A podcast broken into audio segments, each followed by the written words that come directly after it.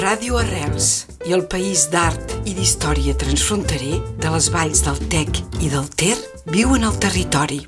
De Seret a Sant Joan de les Abadesses, d'Arles a Camprodon, visites guiades al Vallespí i al Ripollès.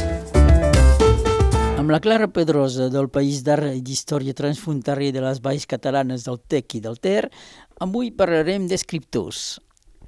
Exactament, parlarem d'escriptors catalans que visiten i que parlen d'aquesta terra nostra, que és els Pirineus, que és allò que ens uneix, més no pas que ens separa. Una terra que realment inspira els escriptors. Sí, inspira els escriptors d'ara eh, i va inspirar molt els d'abans. Mm, segurament qui va posar la primera pedra va ser Verdaguer, Jacint Verdaguer, i amb el seu poema El Canigó, que segurament tots coneixem, perquè no... la idea aquesta d'aquesta muntanya màgica, mite fundacional, muntanya màgica dels catalans, és pràcticament, pràcticament Verdaguer qui la construeix uh, a través d'aquesta obra, que també és una mica l'obra que busca els orígens mítics i que vol explicar i que reconstrueix o que construeix uns orígens mítics per, uh, per la nació catalana, en aquest cas, si ja podem fer servir aquesta paraula, de nació, pràcticament. És que es pot dir que el que ningú no seria el que és sense en Verdaguer? Absolutament segur que no seria... No seria, seria se, sempre serà aquesta muntanya mite o aquesta muntanya referent per tots els que vivim als seus peus, per tots els que el, que el tenim gravat a la retina. Però sí que és veritat que per la Catalunya Sud, sobretot per la Catalunya Sud de, de, de, dels Pirineus cap avall, de mig Pirineu cap avall, el Canigó no és la muntanya referent més que res perquè no la veuen, és, és Verdaguer qui construeix el mite. Verdaguer era, és un poeta romàntic, de fet, que va viatjar molt, que li interessava molt la muntanya i que, per tant, havia caminat totes aquestes terres abans d'emprendre l'escriptura d'aquesta gran obra. I això també ajuda, no? perquè construeix aquest mite, construeix aquesta història, però la construeix des del coneixement. I segurament moltes parts de, de la construcció i de l'escriptura d'aquesta història són preses de l'imaginari i de la mitologia pròpia de la Terra mateix. L'únic que ell la reescriu i l'alça al nivell de mitologia comuna d'aquesta neonació catalana que està en creació ideològica, és el moment de la creació de l'ideologia del nacionalisme català, el període de la Renaixença i del modernisme, especialment de la Renaixença, perquè juga amb un peu uh, a la Renaixença ja per tant, és, és, aquest, és aquest moment fundacional. Després de Verdaguer hi ha d'altres escriptors que realment han estat inspirats per aquestes terres. Sí, l'altre gran autor, i segurament també perquè és dels més coneguts, és òbviament Joan Maragall i els seus poemes.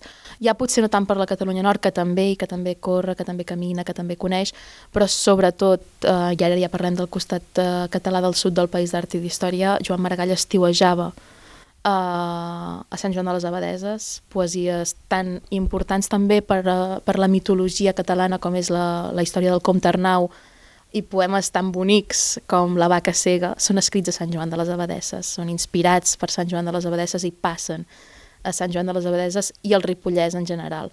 Joan Maragall, de fet, eh, una de les seves primeres obres és, eh, i de fet un dels seus primers premis de reconeixement és una poesia que es diu Les muntanyes, que us convido a llegir perquè tant els que som del sud com els que sou del nord us hi sentireu identificats bé si és que parla de Camprodon. De fet, la va escriure per uns Jocs Florals d'estiu organitzats a Camprodon l'any 1901. Per tant, un jove Joan Maragall es comença a donar a conèixer inclús a casa nostra. Ràdio Arrels i el País d'Art i d'Història Transfronterer de les valls del Tec i del Ter viuen al territori. Després de Verdaguer, que és un heroi, una icona, una persona famosa per Catalunya, això inspira molta poesia, però després també arriba d'altres formes d'escriptura. Òbviament, hi ha la poesia, però també tenim la novel·la, no? I és un, és un, un tipus, un gènere literari que permet desenvolupar idees d'una manera molt més interessant. A més a més, hem de pensar que el consum de la novel·la de l'època, d'aquest tompans de segle, és sobretot novel·la per fascicles. Són novel·les que es publiquen a les grans revistes de l'època, com l'Avenç, com, Rena... no? Com, sí, com l'Avenç, com Renaixença. Hi ha uns quants autors que són molt interessants. Um, comencem potser per el que és pròpiament Vallaspirenc, que és Bosc de la Trinxeria, que potser no en som prou conscients, però que és uh, una peça clau per, a, per al desenvolupament ja no d'aquesta renaixença, perquè ell també de nou està entre la renaixença i el modernisme al final de la seva carrera, però sí que és, és essencial per explicar a la gent de capital o de les capitals, però sobretot de capital de Barcelona, com és aquesta Catalunya rural, inclús la Catalunya nord, eh, com és aquesta Catalunya rural, pagesa, com s'hi viu, si bé d'una manera molt idealitzada i amb una clara intenció de transmissió d'uns valors determinats cap a en contraposició amb aquesta societat més industrial, més, entre cometes, diguem-ne, corrompuda, però de moviments inclús eh, fortament i de pensaments fortament anàrquics o inclús eh, comunistes quan arriba el moment del comunisme. És una manera d'explicar la Catalunya rural, la Catalunya mm, de, del país, la Catalunya pirinenca, que ell viu directament, ell és un gran propietari rural i que explica a la gent del sud una mica com per dir, mira, aquests són els valors primigenis d'aquesta nostra terra, d'aquesta nostra identitat, Um, jo us, uh, a través de les meves novel·les, uh, us, us ensenyo una mica, us, gairebé podríem... No, no, us adoctrino no.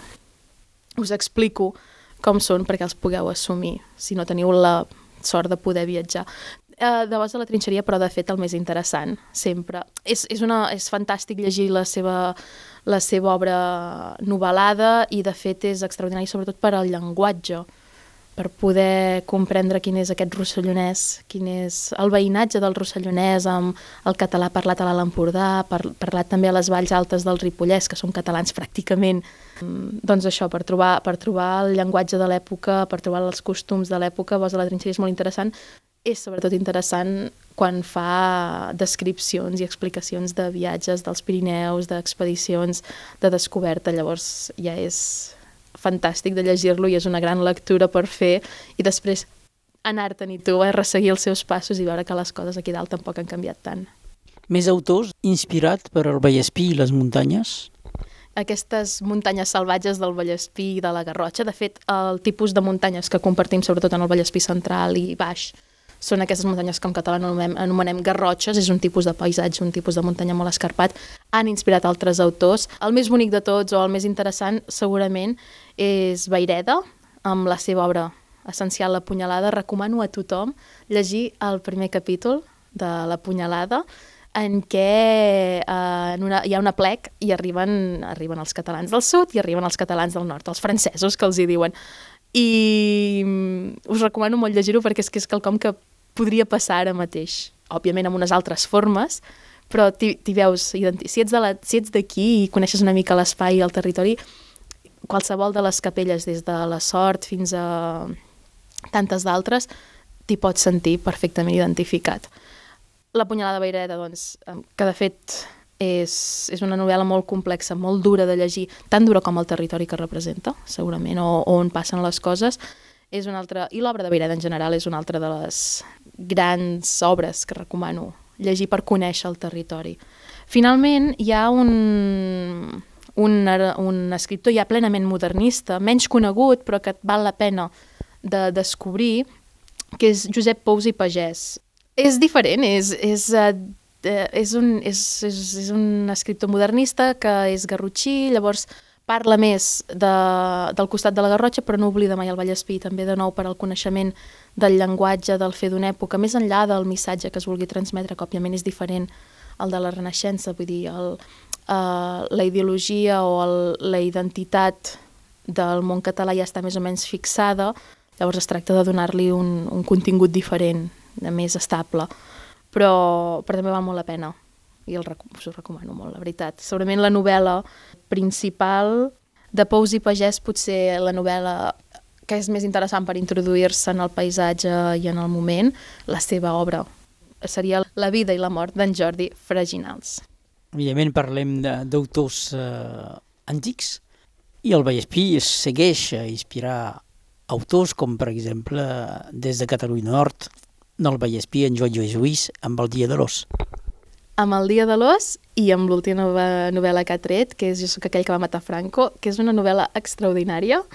La vida de l'os, el dia de l'os, òbviament, basat en... Bueno, prenent com a anècdota per a desenvolupar tota la novel·la de les festes de l'os, el dia de l'os de Prats, de Molló, I l'última novel·la, que és molt interessant perquè és una novel·la d'història, ficció, basada en un espai real, però amb una història que a partir d'un moment, no us diré què exactament, es desenvolupa, bueno, explica què hauria pogut passar si la història hagués sigut diferent després de la retirada, però que és molt interessant perquè, de nou, és, són aquests autors que coneixen la Terra, que se l'estimen, que n'estan impregnats, que la respiren, que la viuen i que t'hi acompanyen realment. I això és extraordinari perquè és una altra manera de conèixer casa nostra.